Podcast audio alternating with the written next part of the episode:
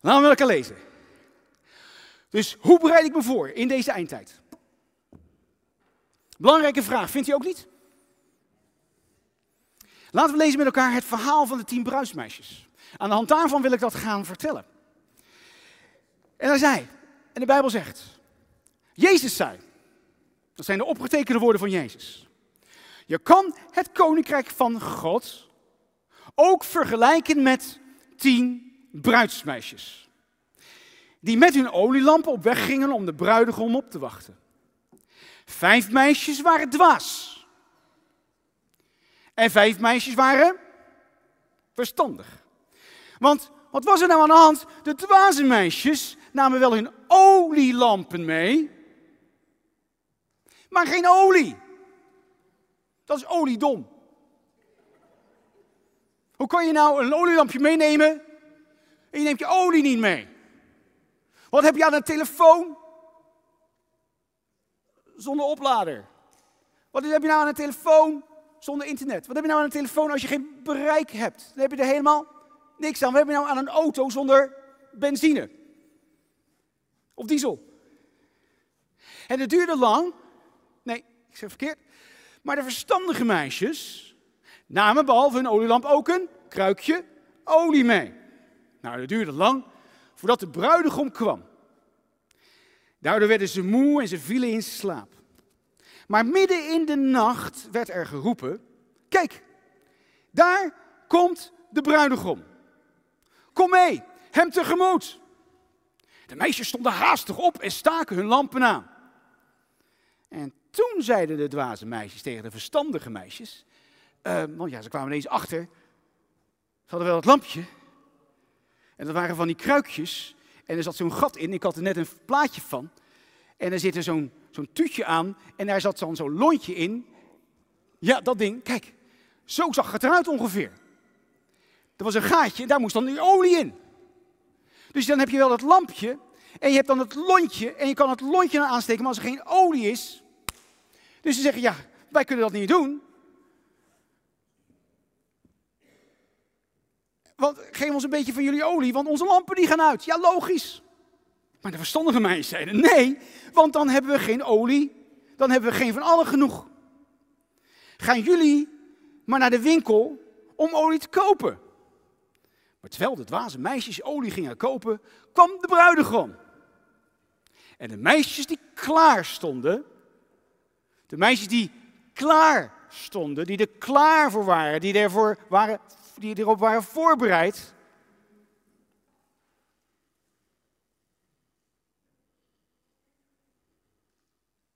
gingen met hem mee naar binnen, de feestzaal in.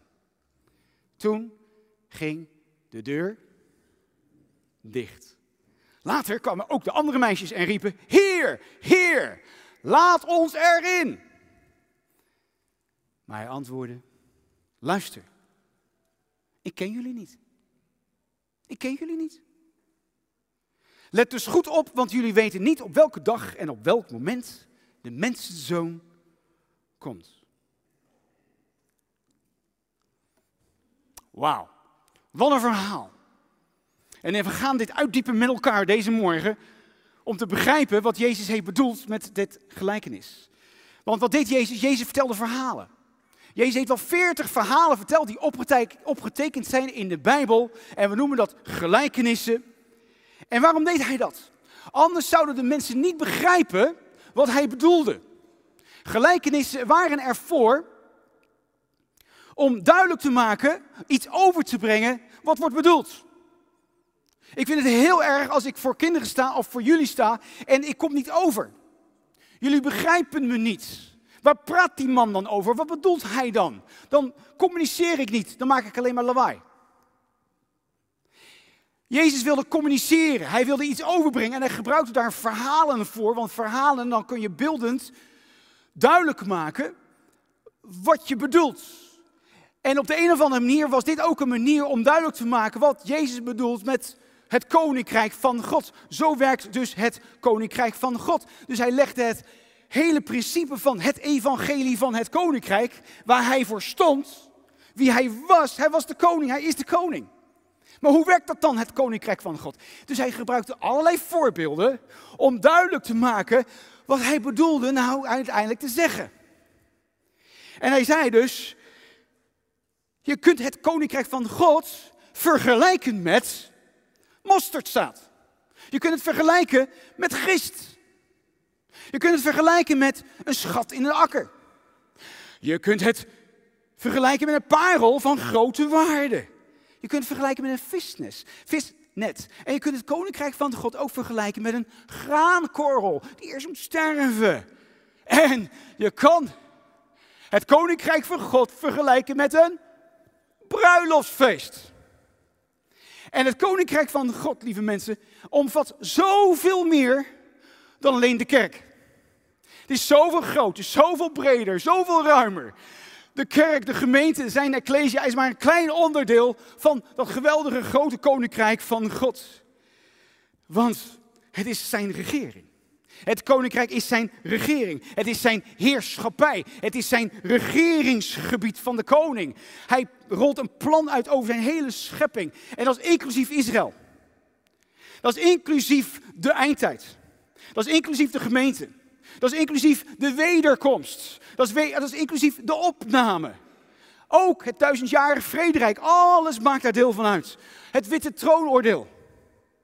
En ook een nieuwe hemel en een nieuwe aarde. Nou, als we kijken naar dit verhaal, wat wilde Jezus nou duidelijk maken? Wat had hij nou te vertellen? Wat wil hij nou zeggen? En Jezus wil ons eigenlijk waarschuwen voor een tijd die gaat aanbreken van onverwachte momenten. Er gaan momenten aanbreken die zijn onverwachts. We wisten niet dat dat zou gaan komen. Dat zijn onverwachte dingen.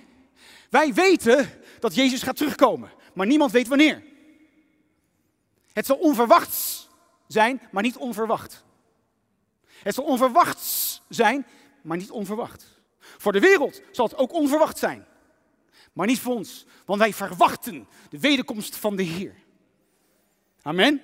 Wij verwachten de wederkomst van de Heer. En wij leven dus nu in een tijd wat alleen maar duister gaat worden. Zoals de Bijbel dat ons ook leert.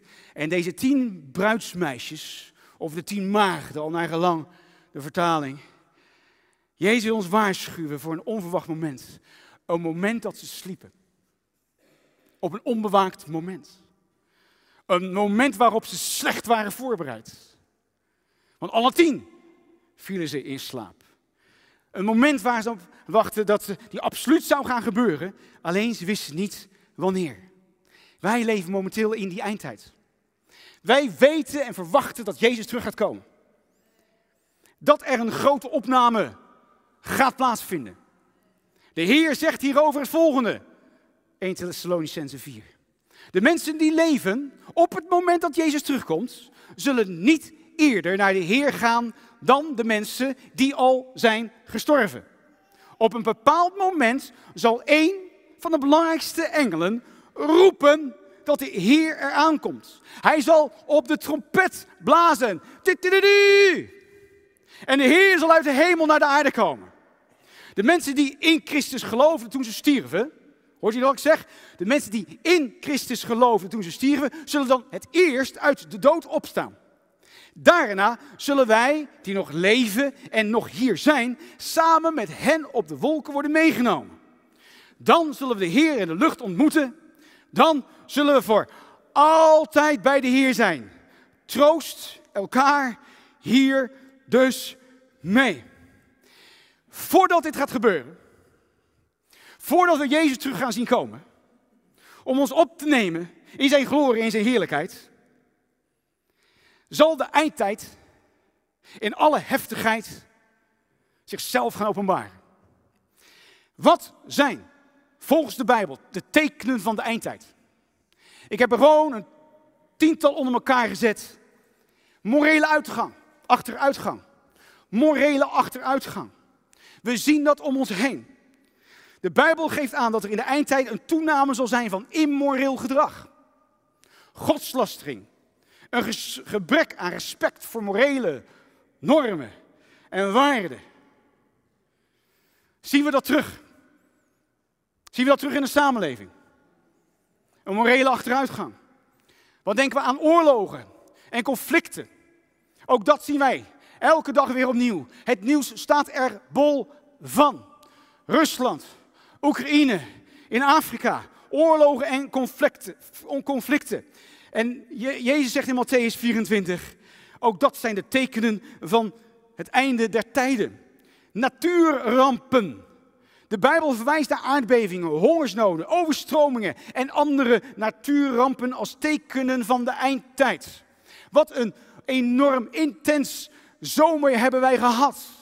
Wat een hitte overal, overstromingen, aardverschuivingen. Van alles, aardbevingen. We hebben alles de revue zien passeren. Lieve mensen, wij hebben geen stikstofprobleem. Wij hebben geen CO2-probleem. Hebben we wel. En ik weet dat iedereen zich daarop focust. Maar wat is er werkelijk aan de hand? Het hart is ziek. Het hart zit vol met zonde. De hele wereld is ziek geworden. Er is zonde. Satan regeert. Denkt hij. Want Jezus regeert. Jezus regeert. Halleluja, hij is regeert. Hij heeft het laatste woord. Alleen we gaan op en daar is een soort climax gaande. Dus alles om ons heen. En we kunnen van alles doen. We kunnen allerlei symptomen gaan, gaan, gaan, gaan, gaan bestrijden. Maar wat zou er nou gebeuren? Wat zegt Gods woord? Zou God in staat zijn om de natuur een handje te kunnen helpen? Zou, je, zou God in staat zijn om het CO2-probleem op te lossen? Zou hij daartoe in staat zijn? Heeft hij er de mens voor nodig? Nee, natuurlijk niet. Want hij is God, hij is de schepper van hemel en aarde. En natuurlijk zullen wij als de mens zorgvuldig met de schepping dienen om te gaan. En ja, we hebben er een zootje van gemaakt. Oh ja, we hebben er een potje van gemaakt. Allemaal waar. Maar in dat alles, stel je nou dus voor dat de hele samenleving op de knieën gaat. En gaat vragen, Heer, vergeef ons. Herstel ons land. Zal in het herstel van het land ook niet zijn dat de regen weer gaat komen? Dat er gezonde lucht gaat zijn? Dat God in één keer gewoon alles, alles kan herscheppen? Zou dat kunnen? Zou onze God zo groot en machtig zijn? Die zou hij dat kunnen? Ja, natuurlijk. Hij is onze God, Hij onze heiland, Hij onze bevrijder. Wij maken Hem zo klein. Alleen de wereld wil Hem niet erkennen. Ze willen Hem niet de plek geven die Hem toebehoort. Wil men niet. Men is trots, men is hoogmoedig. Mensen willen het zonder God allemaal oplossen. Dit kunnen we niet zonder God oplossen. We hebben vergeving nodig, we hebben herstel nodig. En dat is onze boodschap naar de wereld. Op die manier gaan wij kleur bekennen. Lieve mensen, we, dienen ons moeten, we moeten ons bekeren. Daar moet vergeving gaan komen. En dan gaat komen valse profeten, misleiding. Het herstel van Israël. Vervolging van gelovigen wil ik zeker niet overslaan. We gaan een tijd aanbreken, juist ook in die eindtijd, dat we meer en meer vervolging gaan zien. En wij hier in Nederland, wij boffen. Wij boffen, wij snappen en beseffen niet goed wat er in andere landen gebeurt. Er zijn landen hier op aarde waar we nooit op deze manier bij elkaar zouden kunnen komen. Waarom? Omdat we een goed fundament nog, nog hebben. De grondwet. Nog gebaseerd op het woord van God. Maar langzaam maar zeker zien we ook daarin dat duisternis begint te komen. Daarom is het belangrijk dat wij op onze knieën gaan, op de brest gaan staan voor ook de volgende Kamerverkiezingen dat daar een beleid gaat komen. Dat zegt, ja, het woord van God is waarheid. Zijn normen en waarden, daar mag niet aan getornd worden. Lieve mensen, dit is de boodschap. Radicaler kan het niet. Dit is het gewoon. Zo niet, zijn we slap. En dan gaat het fout. Amen? Je mag reageren. Het teken van het beest. De verkondiging van het evangelie aan alle naties. De wederkomst van Jezus. De opname. Allemaal tekenen van de eindtijd waarin we leven. De wederkomst is dan nog niet geweest. De opname is daar nog niet geweest. De grote verdrukking, wanneer die gaat komen. Oh Heer, laat ons alsjeblieft voor de grote verdrukking opgenomen worden. Wie wil met me mee? Oh, oh Heer. Maar zegen al die mensen die dan achterblijven. Verschrikkelijk. Oké, we gaan een stap verder. U bent zover nog bij? Allemaal helder? Duidelijk? Yes? Nu gaan we terug naar het verhaal, de tien maagden. Dus Jezus wil ons waarschuwen voor een tijd van onverwachte momenten. Akkoord? Een moment dat, terwijl ze sliepen. Wij als kerk mogen niet in slaap sukkelen. Zorg dat je niet in slaap sukkelt. Ze werden moedeloos. Ze moesten zo lang wachten. Het duurde allemaal zo lang en ze vielen in slaap. Wij hebben, wij kunnen het ons niet voorloven als gemeente van Jezus Christus om in slaap te sukkelen. Wow, wakker worden. Wakker worden. Word wakker. Word wakker. Wees alert. Dat is, dat is zo belangrijk. Maar, want Jezus waarschuwde daarvoor. Een moment waarop ze slecht waren voorbereid.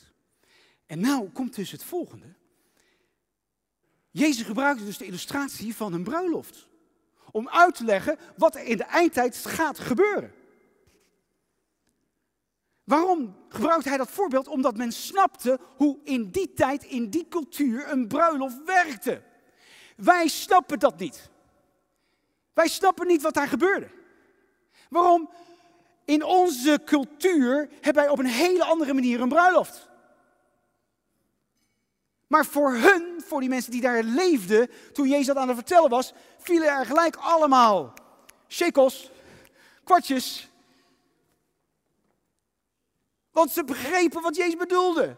Wij begrijpen het niet zoals de Joden dat eh, begrijpen. En ik ga u proberen dat uit te leggen. Het huwelijk vond destijds gewoon plaats in twee stappen. Moet u goed luisteren. Anders begrijpt u het hele verhaal niet. En kunnen we ons ook niet goed voorbereiden in deze eindtijd. Dus het huwelijk vond plaats in twee stappen. Dat was ondertrouw. En dat was trouw. Trouwen. Ja? Dus voordat ze gingen trouwen, gingen ze eerst in ondertrouw.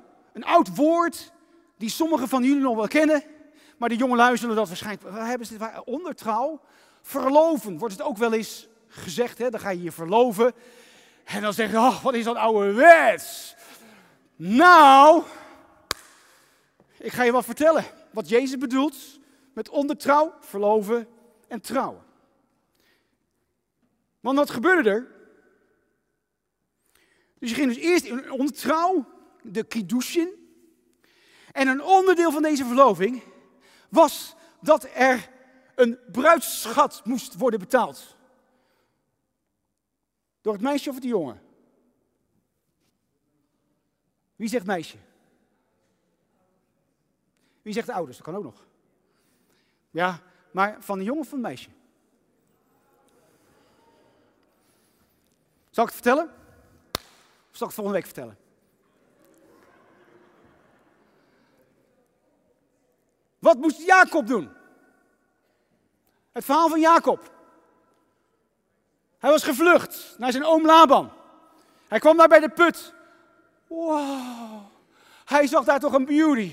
Wow. Hij was helemaal, helemaal, helemaal verliefd. Hij ging bij zijn oom en, en hij zei, oh die, die, die ragel, die ragel. Oh, wat een lekker stuk. Wat een kanjer. Wow, met haar wil ik trouwen. En Laban zegt, prima. Zeven jaar werken. Dat waren nog eens tijden, lieve mannen. Zo, ik heb drie meiden. Drie dochters. Ga eens maar zeven jaar voor mij werken. Zo, wat bof jij, Julian. Zo, zo. Zeven jaar werken. Na zeven jaar, yes! Oh, heerlijk, huwelijk. Oh, oh, En de volgende ochtend werd hij wakker, deed zijn ogen open en was misschien een beetje dronken, een beetje tips. En hij keek naast zich. Wow! Lag er iemand anders naast zich, dat was Lea. Hij boos gaat naar zijn schoonvader toe. Wat heb je me gedaan? Wat heb je gedaan? En ik weet niet wat voor krachttermen hij gebruikt zal hebben, maar oh, hij was woest. Maar ja, wat je zaait, dat zul je ook oogsten, Jacob. Oké, okay, zeg, ja, ja, maar dan komt er een smoes van, ja, eerste oudste en uh, Want Laban had gezien, die Jacob, ha, harde werker, Gods zegen is op die man. Ha, zorg dat jij de zegen van God op je leven hebt. En elke werkgever wil jou hebben. Want alles wat jij dan aanraakt, wordt goud. Dan hou jij de omzet binnen. Alles gaat vlekkeloos. Er is salving op je leven. Er is gunst op jouw leven. Alles wat jij doet in dat bedrijf, denk aan Jozef. Dat is de zalving die God jou geeft. Omdat je kind van God bent. En Jacob, daar rustte de zalving op. En wat zegt Laban tegen hem? Ja, sorry jongen, lieve jongen, maar ja, je weet, hè, cultuur en uh, allemaal larikoekjes natuurlijk. Zeven jaar. Hij ging nog een keertje zeven jaar werken. Bij elkaar veertien jaar heeft hij moeten werken. Dus wie betaalt de bruidschat? De man. De man. Wie is de bruid van Jezus? Wie is de bruid? Wij de gelovigen. Wij zijn de bruid. Wat heeft Jezus gedaan? Hij heeft een prijs betaald. Oh, hij heeft de prijs betaald. Hij heeft de prijs betaald voor jou en voor mij. Opdat wij zijn bruid kunnen zijn.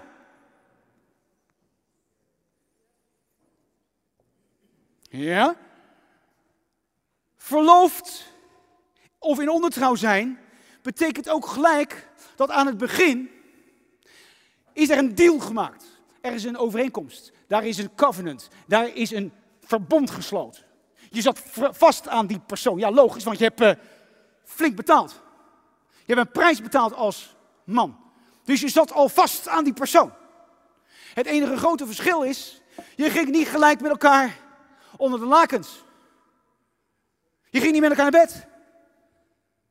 Je bleef rein, fysiek, tot aan het moment dat later in de toekomst zou gaan gebeuren. Denk aan Jozef en Maria. Jozef en Maria die waren in ondertrouw. Jozef had nog geen geslachtsgemeenschap gehad met Maria.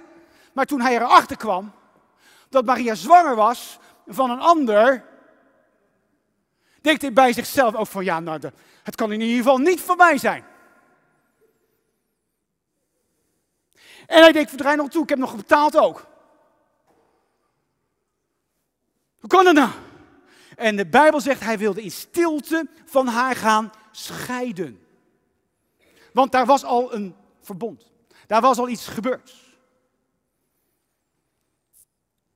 En weet je wat ook gebeurde?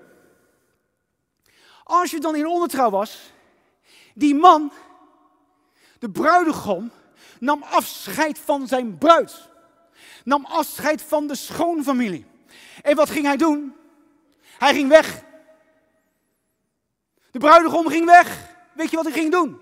Hij ging ergens anders naartoe om een, om een, om een, om een huis te bouwen. Om een plek te bereiden. Een plek voor te bereiden.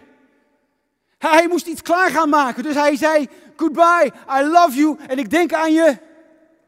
En het bruidsmeisje, oh, ik zal je zo missen. Oh, ik zal je zo missen. Oh, maar het komt goed, zegt hij. Ik ga voor je zorgen. Ik ga nu weg om een woning voor te bereiden. Hey, waar, waar, waar, komt die Bijbeltekst vandaan? Hè?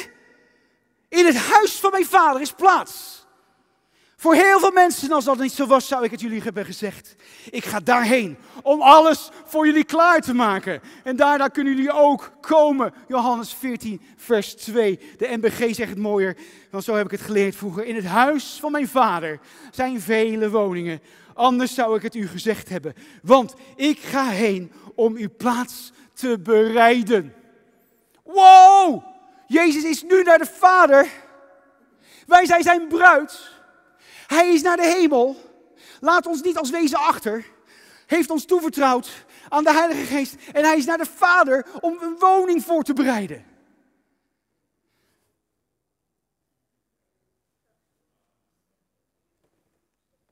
Toch? Dat staat in het woord. En dan de bruid is vol verwachting. En ze weet, hij zal onverwachts komen maar niet onverwacht. Jezus gaat komen. Onverwachts. Maar niet onverwacht. Wij wachten in spanning op Hem, want wij zijn Zijn bruid. Zien wij uit naar Hem? Houden wij van Hem? Zijn wij net zoals diegenen die dan bijna gaan trouwen? oh, mijn, mijn hunk, mijn geweldige, mijn lieverd, mijn, mijn... Oh, ik hou zoveel van je. Dat is romance. Romantiek. Er is romantiek in het koninkrijk van God. Daar is liefde. Dit is zo mooi wat God heeft uitgedacht. En dat allemaal om ons, jou en mij duidelijk te maken wat hij bedoelt met het koninkrijk van God. Dit maakt onderdeel van het koninkrijk van God.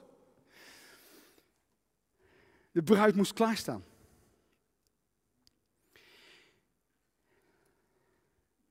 De bruid had volste vertrouwen dat haar bruid, de bruidegom zou gaan komen. Maar ja, de bruid moest wel klaarstaan. Mooi, aantrekkelijk. Zonder vlek en rimpel. Mannen, heb je vrouw lief zoals Christus de kerk heeft lief gehad. En zich voor haar heeft prijs gegeven. Om haar te heiligen, haar te reinigen met water en woorden. En om, al, om haar in al haar luister bij zich te nemen. Zodat ze zonder vlek of rimpel of iets dergelijks heilig en smetloos zal zijn. Efeze 5, vers 25. Weet je, het is niet grappig als je terug moet komen als bruidegom. Je hebt een prijs betaald. Je hebt een woning klaargemaakt. Alles is in kannen en kruiken. En je komt terug. Je hart vol liefde. Er was geen Facebook. Daar was geen Twitter. Daar waren geen appjes. Daar was geen FaceTime. Maar hij, ze konden wel een jaar of zelfs langer weg zijn voordat de bruidegom weer terug kon keren. Want het kan soms zo lang duren. Ik ben in Kenia geweest en ik sprak mannen, met, een, met een man van ergens in de dertig. En, en we kwamen zo te sprake van, nou ja, dat ik getrouwd was en ik kan de kinderen. Nou ja, ik zou ook wel graag willen trouwen, maar ik heb het geld nog niet. Ik zeg, hoezo dan? Want ik kende dat principe niet. Ja, hij had al een deal gesloten met de schoonvader. Ze zouden gaan trouwen. Maar hij was bezig om te sparen. Weet u wat voor wat in Kenia? Koeien. Hij was hard aan het werk om koeien. Hij, er waren een aantal koeien die hij, moest, die hij nodig had om aan die vader te geven om uiteindelijk te kunnen trouwen. Maar stel je nou voor dat die man, die Keniaanse man, heeft zo hard gewerkt. En komt dan op een gegeven moment zijn koeien, kom op, kom op, komt hij bij de schoonvader. Ik heb het, ik heb dit bruidsschat. En dan ziet hij zijn bruid. Vies, vuil. Wat kom jij hier doen? Onrein. Is inmiddels vreemd gegaan. Heeft misschien inmiddels een dikke buik van een ander. Ja, we lachen. Maar Israël, waarmee werd, hij, werd Israël vergeleken? Met een hoer. Omdat ze vreemd gingen. Want God ziet zijn volk ook als zijn bruid, als zijn volk, als zijn vrouw. Hij zegt zelfs tegen de profeet Hosea, Hosea, ik wil dat je gaat trouwen met een prostituee. Nou zeg ik het netjes. Hosea zegt, nee, dat kunt u niet menen. Ja, want ik wil dat jij gaat laten zien, weer, hè, relevant. Hij wilde de boodschap overbrengen, zodat ze het konden begrijpen. Want Jezus wil begrepen worden. God wil niet in raadselen alleen maar gaan spreken, maar wil heel direct tot jou kunnen spreken. En dan gebruikt hij gewoon hele normale onderwerpen, zoals een bruiloft, zoals een prostituee. En Hosea trouwde met Gomer. Hij trouwde met een prostituee om duidelijk te maken wat het volk God aandeed. Wauw. Op die manier hebben we het misschien nooit gezien, maar zo werkt het koninkrijk van God. Wij mogen ons klaarmaken voor de terugkomst van onze bruidegom.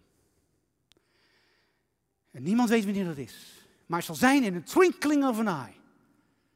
Plotseling, suddenly. Op een bepaald moment. En toen hoorde ik een stem Openbaringen 19. Toen hoorde ik een stem die leek op het geluid van een grote menigte. Of van de zee. Of van de donder. En die stem riep, prijs de Heer.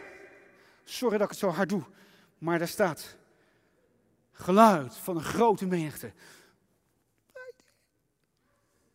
Want Almachtige Heer God is koning. Laten we blij zijn. Laten we feest vieren. En hem prijzen. Met andere woorden, jongens, dat gaat toch een, een feest zijn in de hemel. Wow, want de bruiloft, daar heb je het, de bruiloft van het lam begint. Zijn bruid, wie zijn dat? Dat zijn wij, heeft zich klaargemaakt. Ze had mooie kleren van fijn wit linnen gekregen om aan te trekken. Dat fijne linnen is het geloof van de gelovigen.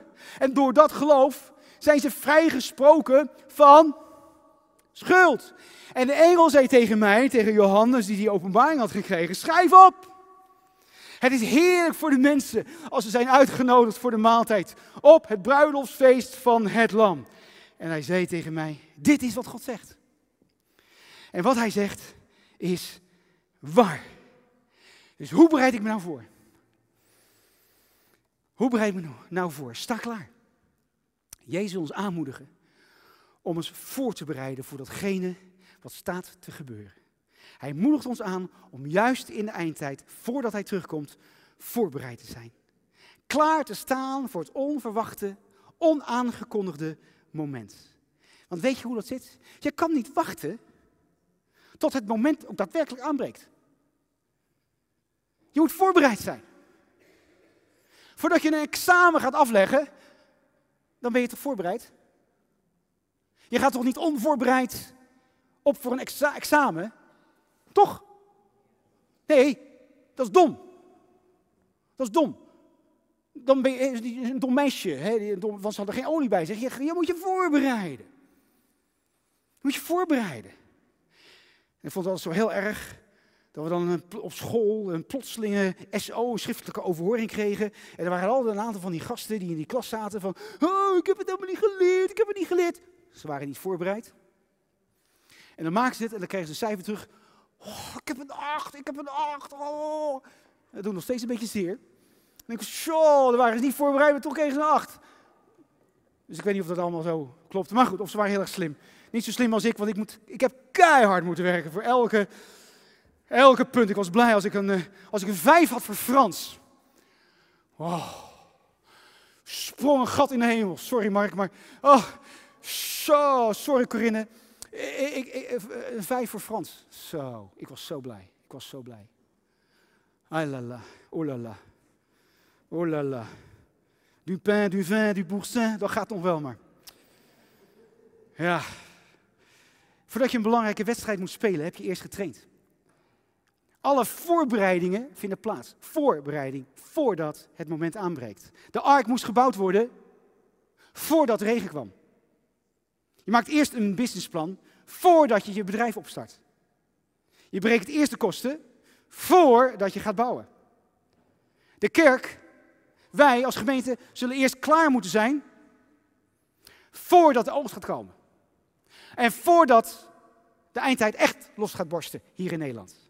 Wij zullen ons klaar moeten maken voor de tijd die gaat komen. Daarom zijn die kleine groepen zo belangrijk. Dat maakt ons ook als gemeente eindtijd proof. Met corona, wij waren overvallen door corona. Wij werden overvallen door een pandemie. Wij waren er als gemeente niet klaar voor. Wij waren niet voorbereid. Dat lag niet aan God, hè? Dat lag aan ons als gewoon ons leiderschap. Wij hadden het niet voldoende in de gaten. En wij zijn nu gewaarschuwd. En wij weten een manier, want wij hebben gewoon één heel belangrijk onderdeel vergeten. En dat zijn de kleine groepen. De kleine groepen waar discipelschap gaat plaatsvinden. Waar mensen veilig zichzelf kunnen zijn. Gewoon met elkaar. Die community zoals handelingen dat ook ons ook laat zien. Enorm belangrijk. Maar daar hebben we natuurlijk al de laatste tijd heel veel over gezegd. Maar dit zie ik wel als een manier van voorbereiding ook op de tijd die gaat komen. Dus de tien meiden vielen in slaap. Ze waren moe. Ze waren niet alert. Dus wat moest er gebeuren? Ze moesten wakker gemaakt worden. Iemand schreeuwde, iemand toeterde. De bruidegom komt, word wakker! Ze schrokken en ze stonden op. En wanneer werd die oproep gedaan? Midden in de duisternis.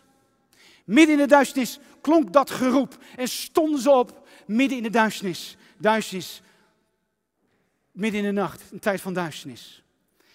En heb je alles bij je. Dus de helft wel, de andere niet. En de domoren, die hadden wel een lamp, maar niet de olie. En waar staat olie voor? De Heilige Geest. Dus eigenlijk, wat staat er? Vijf hadden dus wel de inwoning van de Heilige Geest. Daar was wel iets gebeurd in hun binnenste. En die anderen, die snapten alles, want ze waren daar niet voor niets. Ze wisten dat er een bruinigom zou komen. En wellicht gingen ze wel eens af en toe naar de kerk. Wellicht lazen af en toe wel eens hun bijbeltje. En, en op zich allemaal wel gelovig. Maar wat misten ze? Ze misten de inwoning van de Heilige Geest. Ze misten iets. Ze hadden alles, alle attributen. Ze wisten misschien alles te vertellen. Maar ze misten het meest belangrijke. En dat was de olie. En toen vroeg ik me af, ja maar heer, wat ik niet snap in deze tekst, is dat ze verzocht werden, aangedrongen, aangemoedigd werden. Wat moesten ze gaan doen? kopen, hè? Maar God is toch niet te koop? De Heilige Geest kan je toch niet kopen? Dus op dat moment was ik eventjes verward. Ik zeg, Heer, wat bedoelt u nou met deze tekst? Dat ze erop uit werden gestuurd om olie te kopen. En ik ben gaan denken en gaan nadenken. En op een gegeven moment kwam ik op zo'n punt van, oké. Ook Derek Prins, die, die, die, die had het erover. En dat pakte me en denk ja. Want, wat zegt de Bijbel? De Bijbel zegt in Efeze hoofdstuk 5 vers 18. Wordt voortdurend vol van de geest.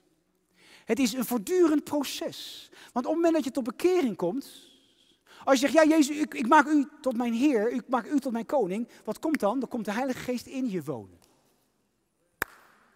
Amen? Oké. Maar dan begint het. Want de Bijbel vertelt dat we voortdurend vervuld dienen te zijn. Het is een voortdurend proces. Want weet je wat er gebeurt? Wij verbruiken olie. Ik heb een auto, die ga ik nooit meer kopen. Ik ga niet vertellen welk merk het is. Maar dat merk, het zuipt olie. Elke 3000 kilometer moet ik een anderhalve liter bijvullen. De auto is 4, 5 jaar oud. Nou, dat kan toch niet? En die dealer zegt, ja hoor, dat is gewoon heel normaal. Ik denk, nou. Dus als je mij ziet rijden en je kijkt welk merk ik heb, dan zeg ik, die niet kopen. Zo, deze, deze, dit merk is blij dat we nog niet een kerk hebben van 10.000 mensen. Dus we verbruiken olie. Wij verbruiken met elkaar olie. Van een week, ik heb heel veel olie verbruikt. Dus ik heb ook weer heel veel olie. En van binnen klots ik van de olie. Ik ben helemaal vol, ik stroom over. Waarom? Ik ben bij Jezus geweest. Hij heeft mij gevuld met zijn olie. Hij heeft mij, oh hier, ik ben zo blij met Jezus. Oh, ik ben zo blij. Ook vandaag heeft hij weer een tankbeurt gehad. Want als u hier bent en ook mensen thuis. Oh, wat een geweldige tijd van lofprijs aanbidding. Oh, dan vul je je weer met. Want daarom zegt de Bijbel ook, wordt voortdurend vervuld. Maar deze dwaze, vijf dwaze meisjes, die hadden geen olie bij zich. En om het eigenlijk ook wat praktisch te maken. Wij als volgelingen van Jezus, dat kopen, wij betalen allemaal een prijs. Wij als volgelingen van Jezus, wij betalen een prijs. Het volgen van Jezus kost iets. Ook wij allemaal hebben een prijs te betalen. Niet voor ons behoud, want alles, alles is volbracht aan het kruis. Wij hoeven niets daaraan te doen. Maar in het volgen van Jezus, vervolging gaat uitbreken. Er gaat van alles gebeuren. Het gaat ons iets kosten. En dat is wat de Bijbel bedoelt. Ik geloof dat dat Jezus bedoelt van ga die olie kopen. Ga ermee aan de slag. Laat je vullen. Het kost je iets. Degene die de afgelopen week hebben gevast. Wauw. Niet makkelijk hè? Het kost je iets. Zo'n nachtbid stond. Het kost je iets. Het kost je iets. Je aan jezelf werken je bitterheid inleveren, je onvergevingsgezindheid inleveren. Het kost je iets. Er is een prijs te betalen. En op die manier betekent dat daar die oliestroom gaat komen. En dan kan je branden en dan gaat het niet op. Waarom? Je wordt voortdurend vervuld van de Heilige Geest van binnen. Dat is, als christen is dat lastig. Want dan heb je je eigen agenda. En dan vraag je Jezus om je, zelf, om je te zegenen. Maar een volgeling van Jezus kiest ervoor van nee Heer, het is niet mijn agenda, het is uw agenda. Heer, ik wil u volgen. Heer, stuur mij maar, leid mij maar. Ik wil namelijk u volgen en ik ben bereid om die prijs te betalen. Neem je kruis op en volg mij, zegt de Heer Jezus. Oké, heel concreet, heel praktisch. En dan ga ik daarmee afronden. Hoe kan ik me dus concreet voorbereiden in deze eindtijd? Voordat het einde komt. En alles wat je hier ziet staan, dat begint met een werkwoord. Het kost je wat. Het kost iets van jezelf. En op die manier krijgt de Heilige Geest ruimte in jouw leven om datgene te doen wat Hij voor ogen heeft. Waarin je dus ook je eigen bestemming weer vrijzet.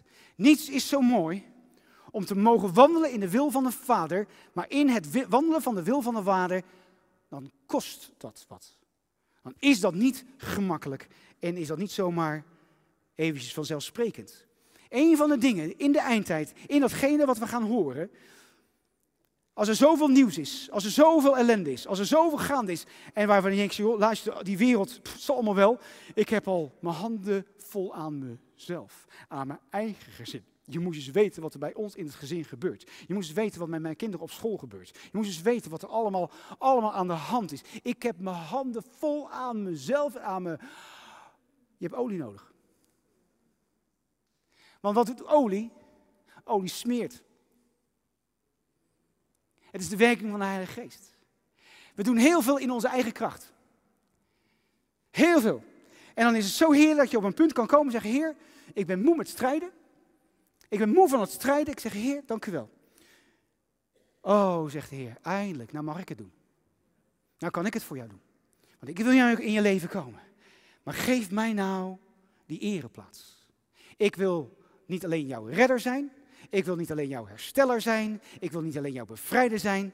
Maar mag ik jouw koning zijn? Want als, jij als, als hij koning is, regeert hij over alle gebieden van jouw leven. Inclusief voor genezing, inclusief voor voorziening, inclusief alles wat je nodig hebt. Dus maak hem dus koning, niet alleen maar je redder. Wees over niets bezorgd. Wauw, dat is al een binnenkomer. Nou, dat, dat lukt ons bijna niet.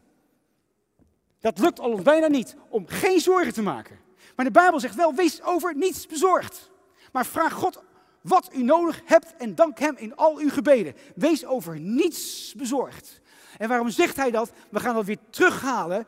Hij is die bruidegom. Hij is bezig. Hij heeft betaald.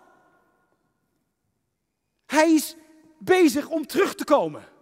Maar hij, heeft, hij is dus blijkbaar nog niet klaar. Wij mogen ons geen zorgen maken. Een bruidegom wil niet dat je je zorgen maakt. Bruid. Hij wil niet dat je je zorgen maakt, want ik ben daar toch voor jou. Ik zorg voor jou. Ik hou van jou. Ik heb de prijs betaald. Mijn leven heb ik voor je gegeven. Toen werd er betaald met koeien, met schapen, goud. Stel je voor dat dat vandaag dag nog zou gebeuren. Ik denk dat, kijk, toen betaalden ze aan de voorkant. Maar nu betaalt men aan de achterkant. Voor degenen die het begrijpen. Sta geen angst toe. Sta geen angst toe. Oh, dit is ook al zo verschrikkelijk moeilijk voor ons kinderen. Maar weer opnieuw, die bruidegom, hij zorgt voor ons. Hij is er met ons. Hij, hij, hij zegt, laat angst niet overheersen. Vertrouw op mij, zegt Jezaja 41. Wees niet bang, want ik ben bij je. Vrees niet, want ik ben je God. Ik zal je sterken. Ik zal je helpen je steunen met mijn onoverwinnelijke rechterhand. Wees alert. Wees waakzaam. De Bijbel zegt, wees nuchter, wees waakzaam, want je vijand, de duivel, zwerft rond als een brullende leeuw op zoek naar een prooi. Want dat is wat de vijand wil. Hij wil roven, hij wil kapot maken. Hij wil niet dat jij jezelf erkent als de bruid van Jezus Christus. Hij wil jou roven. Hij weet precies hoe het allemaal af gaat lopen. Hij weet hoe het koninkrijk van God functioneert. Want hij is zelf deel geweest van dat koninkrijk in de hemel. Waarin God heeft besloten om zijn koninkrijk ook uit te breiden naar het aardse. Waarin hij de mens het mandaat heeft gegeven om over de schepping, de schepping, niet over de mensen, maar over de schepping te heersen. Maar wij hebben het verknald. We hebben het mandaat uit handen gegeven. En Satan die lacht in zijn vuistje en probeert zoveel mogelijk mensen mee te nemen en in de waan te laden dat ze niet de bruid zijn. En dat ze dus angstig dienen te zijn. En bezorgd dienen te zijn. Niet alert te zijn. Dus wees alert. Wees, wees niets over niets bezorgd. Sla geen angst toe. Wees alert. En hou stand. Geef nooit op. Laat alsjeblieft nooit ophouden. Nooit opgeven, zo moet ik zeggen. Maar wie stand houdt tot het einde, zal worden gered. Wees deel van een community. Elke dag kwamen ze trouw en eensgezind samen in de, in de tempel. Ze braken het brood bij elkaar thuis. Gebruikten hun maaltijden in een geest van eenvoud en vol vreugde. Ze loofden God en stonden in de gunst bij het gehele volk. De Heer breidde hun aantal dagelijks uit. Steeds meer mensen werden gered. Dit gaat gebeuren. Dit is al aan het gebeuren. We zien dat gaan gebeuren. Maar dan is het belangrijk dat we deel gaan zijn van zo'n community. Want dat houdt je sterk, dat houdt je staande. Wij hebben elkaar nodig. Amputeer jezelf niet van het lichaam van Jezus. Je kan jezelf amputeren. Je kan jezelf lossnijden door je terug te trekken. En zeggen, oh die kerk allemaal is allemaal hetzelfde. hey, Jezus, je amputeert je van het lichaam, dus ook van het hoofd. En wie is het hoofd? Jezus hoofd. Amputeer jezelf niet van dat lichaam. Word deel van zo'n community. Wees deel van zo'n kleine groep. Jongens, daar waar we mee bezig zijn, wij maken ons klaar voor die eindtijd. Wij maken ons klaar als bruid van Jezus zonder vlek en rimpel. En als laatste, vertrouw op de bruidegom. Vertrouw op de bruidegom. Vertrouw, daar zit het woordje trouw in. Trouw, trouwen. Psalm 91. Wie in de beschutting van Allerhoogste woont en overnacht in de schaduw van de onzagwekkende, zegt tegen de Heer, mijn toevlucht, mijn vesting, mijn God in wie ik vertrouw. Hebreeën 13, vers 5. Ik zal je geen zins begeven. Ik zal je geen zins verlaten. Matthäus 28, vers 20. En hou dit voor ogen. Ik ben met jullie. Alle dagen tot aan de voltooiing van de wereld. Halleluja! Dat is onze God. Dat is onze heiland. Jezus komt spoedig. Maranatha. Hij komt spoedig. En hij zal ons beschermen. Hij zal ons bewoeden, behoeden. Hij zal ons bewaren. Want hij is onze bruidegom. En wij zijn zijn bruid. En wij, hij verlangt naar een schone, mooie bruid. Zonder vlek. Zonder rimpel. Hij verlangt naar een hart dat volkomen naar hem uitgaat. Zijn ogen gaan over de ganse aarde om krachtig bij te staan. Hen wiens hart volkomen naar hem uitgaat. Dat is waarom wij zijn zijn bruid. Hij houdt zielsveel van ons. Hij was bereid om zijn leven te geven. Wat een prachtig mooi beeld. We zullen op deze manier deze, dit verhaal, dit, deze gelijkenis nooit meer in hetzelfde licht lezen zoals we dat altijd hebben gedaan. Want dit geeft zoveel diepte. Dit geeft zoveel rijkdom.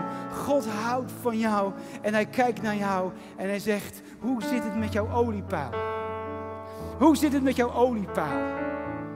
Want het zou toch verschrikkelijk moeten zijn dat als je strakjes daar bent en, en je staat daar voor die poort om erachter te komen dat je onvoldoende, dat je gewoon geen olie hebt. En je hebt het allemaal wel begrepen, je hebt het allemaal wel gesnapt ergens, en je hebt het allemaal wel gehoord. je, bent naar, je hebt van alles wel gedaan, je hebt wel geloofd, je bent naar de kerk geweest, maar toch is daar nooit die doorbraak geweest. Toch is daar nooit die ommekeer geweest. Het volgen van Jezus, die invulling van de Heilige Geest. Misschien heel eventjes, maar dan op heel snel, dan komen de zorgen. En dan komen daar de angsten. En dan komt het pijn. En dan komt daar dat verdriet. En dan raak je op. En dan raak je op jezelf. En dan stel je jezelf niet meer beschikbaar. En dan word je misschien zelfs verbitterd. En zeg, nou laat het allemaal wel. Laat het allemaal maar. En op die manier raakt je olie op. En dan is je olievaatje leeg. En God zegt, ja maar ik wil zo graag jou vullen. Ik wil jou zo graag vullen. Want dat betekent ook dat je mooi gaat worden. Want dat betekent ook dat je aan jezelf ook gaat werken. Want je wil jezelf presenteren als een prachtige mooie bruid. Je wil, maar straks als ik kom, dan wil ik een mooie bruid zien. We kunnen het ons niet veroorloven als gemeente van Jezus Christus om niet aantrekkelijk te zijn. Het is niet fijn om met iemand te moeten trouwen die stinkt, die vies is, die vuil is, die, die, die, die goddeloos is, die gewoon, je wil daar niet mee trouwen. Toch? Wie wil er trouwen met iemand die stinkt, die onbetrouwbaar is, waar je niet op kan rekenen, waar je niet op kan bouwen? Dat wil je toch niet? Dus laten we die spiegel eens voorhouden van Heer, zou u met mij willen trouwen? En God houdt van je, onvoorwaardelijk. En hij vindt je mooi en hij vindt je prachtig. Daarin is absoluut nooit afwijzing, want hij neemt je zoals je bent. En in dat proces wil hij je meenemen, die olie en die genezing. En dat je steeds meer op hem gaat lijken. Het is een wisselwerking. Want door zijn geest wil hij in jou werken. En wil hij je vullen met die kostbare olie. Hij wil je voortdurend vullen. Want je verbruikt olie. Dus je hebt elke keer die vervulling nodig van de Heilige Geest. En dan ga je werken aan je karakter. Dan ga je werken aan je huwelijk. Dan ga je werken aan, ook met je kinderen. Dan gaat het makkelijker worden. Want je gaat wijsheid krijgen hoe ik met mijn kinderen om moet gaan. Het is niet zomaar een cursus van hoe voed ik een kind op. Dat is moeilijk. Dat kost je wat. Zonder Jezus lukt het niet. Je hebt Jezus nodig in het opvoeden van je kinderen. Ook op je werk. Je hebt Jezus nodig. Die vervulling van de Heilige Geest. Dat je je werk ziet als je tuin. Dat je je werk ziet als die plek waar God je gesteld hebt. Om daar een zegen te zijn. Halleluja, Vader. Halleluja, Vader. Halleluja, Jezus. Wie heeft een, opnieuw weer zo'n vervulling nodig? Wie zegt, ja, ik ben eigenlijk een beetje, ja, mijn oliepeil is erg laag. Dat is gewoon heel eerlijk. En dat is helemaal niet erg, want de Heilige Geest is hier om jou te vullen. Hij wil dat doen. En weet je wat we nou doen? We gaan gewoon een heerlijk lied zingen. En als jij dat fijn vindt, dan mag je gewoon naar voren komen. Want hier, want ik ervaar gewoon heel veel ruimte. Er is heel veel ruimte, er is heel veel zalving. Het is gewoon de tegenwoordigheid van, geest, van, van, van Gods geest hier. En dan mag je komen. En dan, eh, gewoon het gebedsteam mag gewoon nog eventjes, uh, nog even blijven.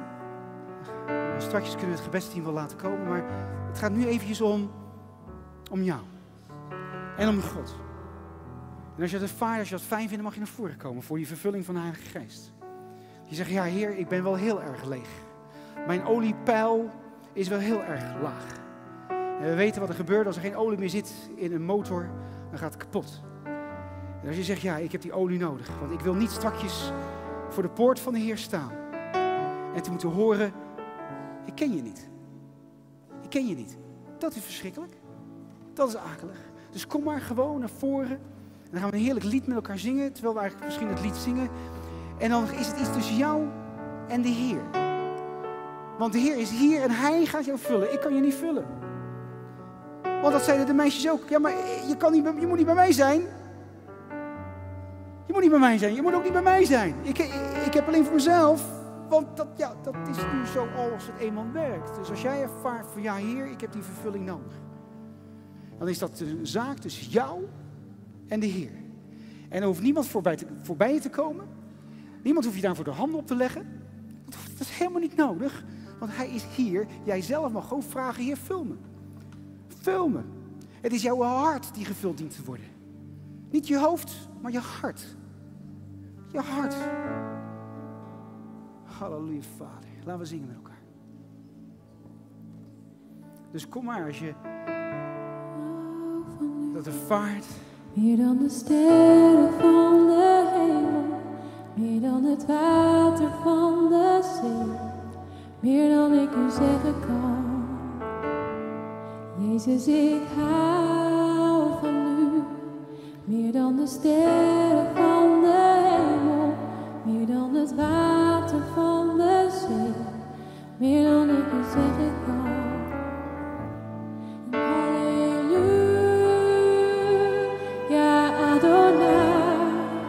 Ja, meester.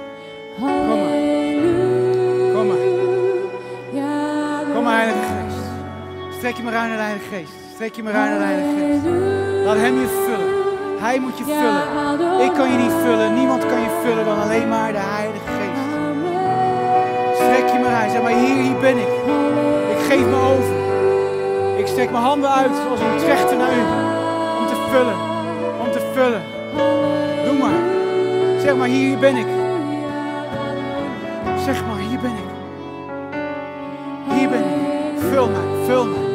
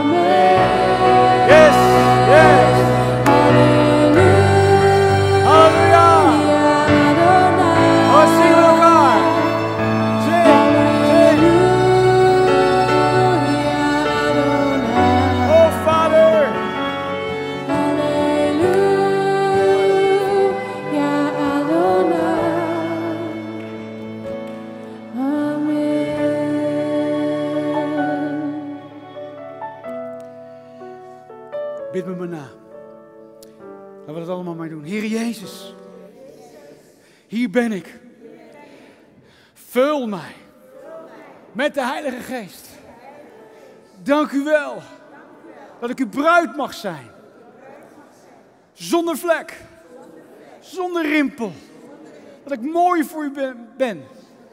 Dat ik mooi voor u ben. En ik wil ook mooi zijn. Help mij. Vul mij met de Heilige Geest. Dat ik de dag tegemoet mag gaan. Met uw kracht.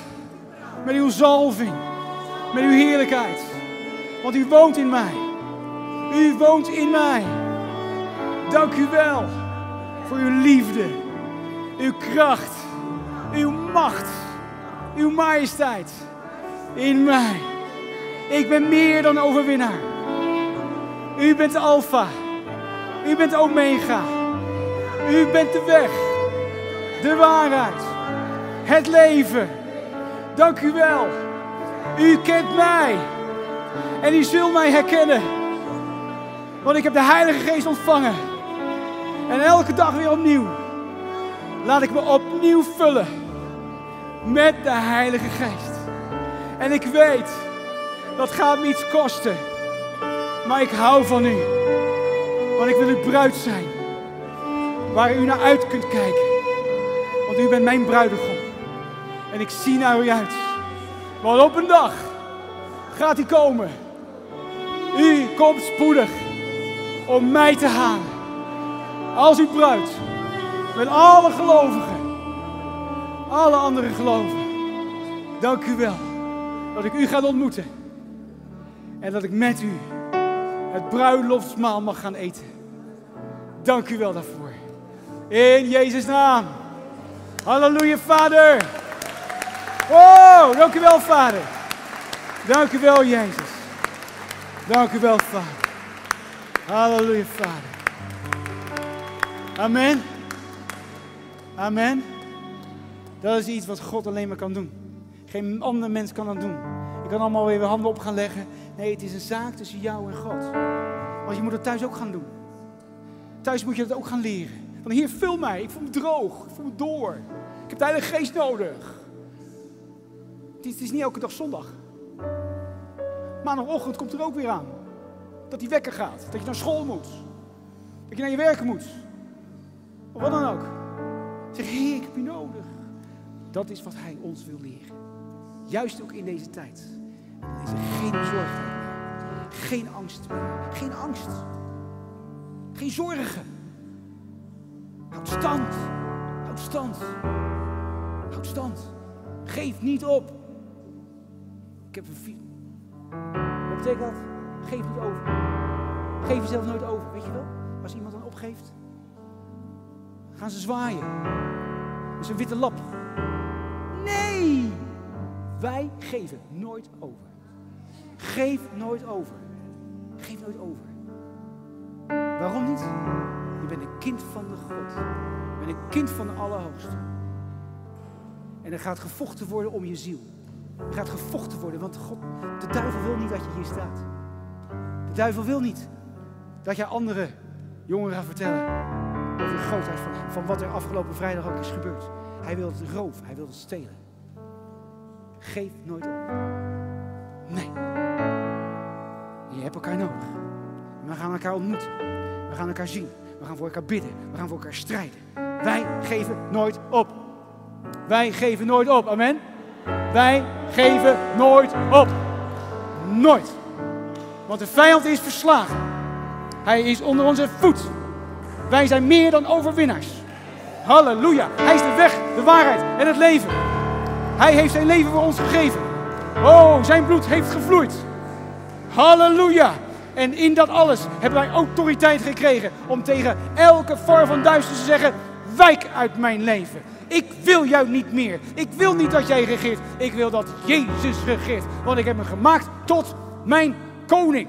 Hij is mijn bruidegom. En hij gaat mij komen halen.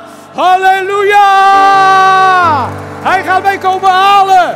Halleluja! Want ik ben veranderd. Oh, Shandalabas. Halleluja. En dat is een houding van het hart. En op deze manier kan je de eindtijd ook in. En wat dan ook gaat gebeuren. Het zal allemaal geen pretje zijn. Maar met elkaar. Hou elkaar sterk. Houd elkaar de moed erin. Zeg yes, kom op. Geef niet op. Laat je kopje niet buigen. Hou je kopje niet neer. Nee, kijk op. Ik ben een koningskind, ben. Ik ben een koningskind, ik ben een zoon van de Allerhoogste God. Ook hij komt jou halen. Als zijn bruid.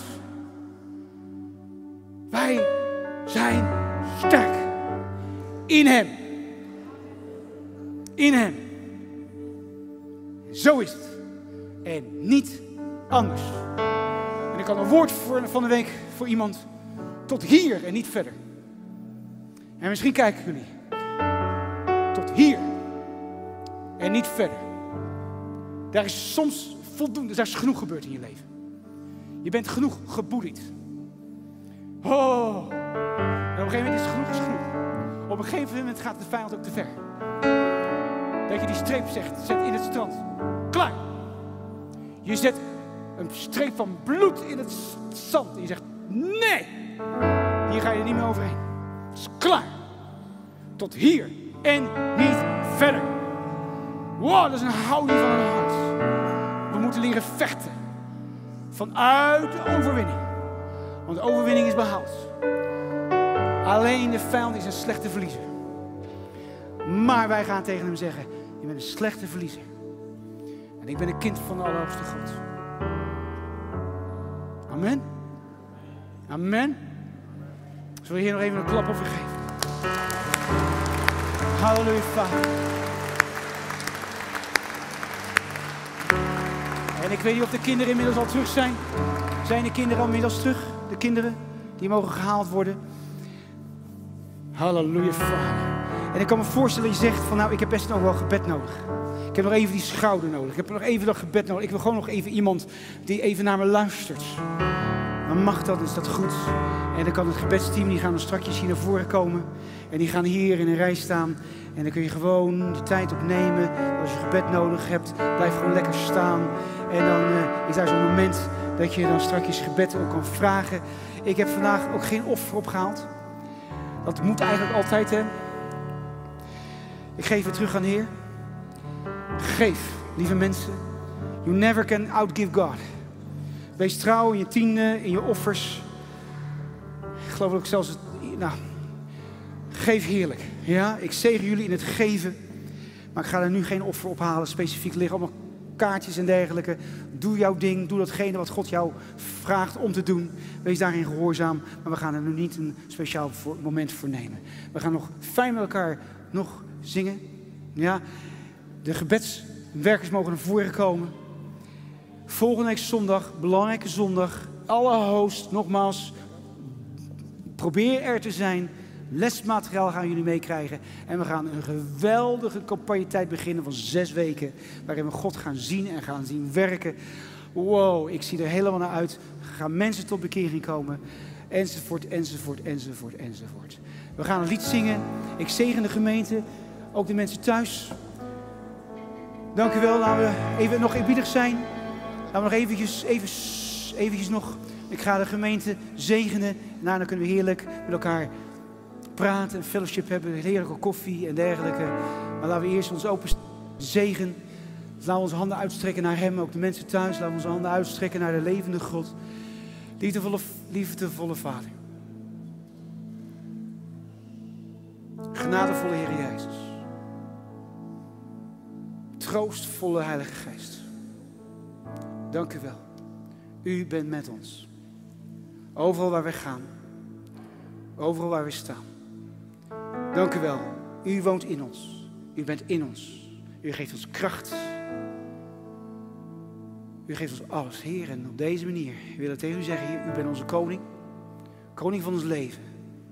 En dank u wel voor de genade, de liefde en die troostvolle fellowship die elke dag met ons is. Zo zegen ik de gemeente in Jezus' naam.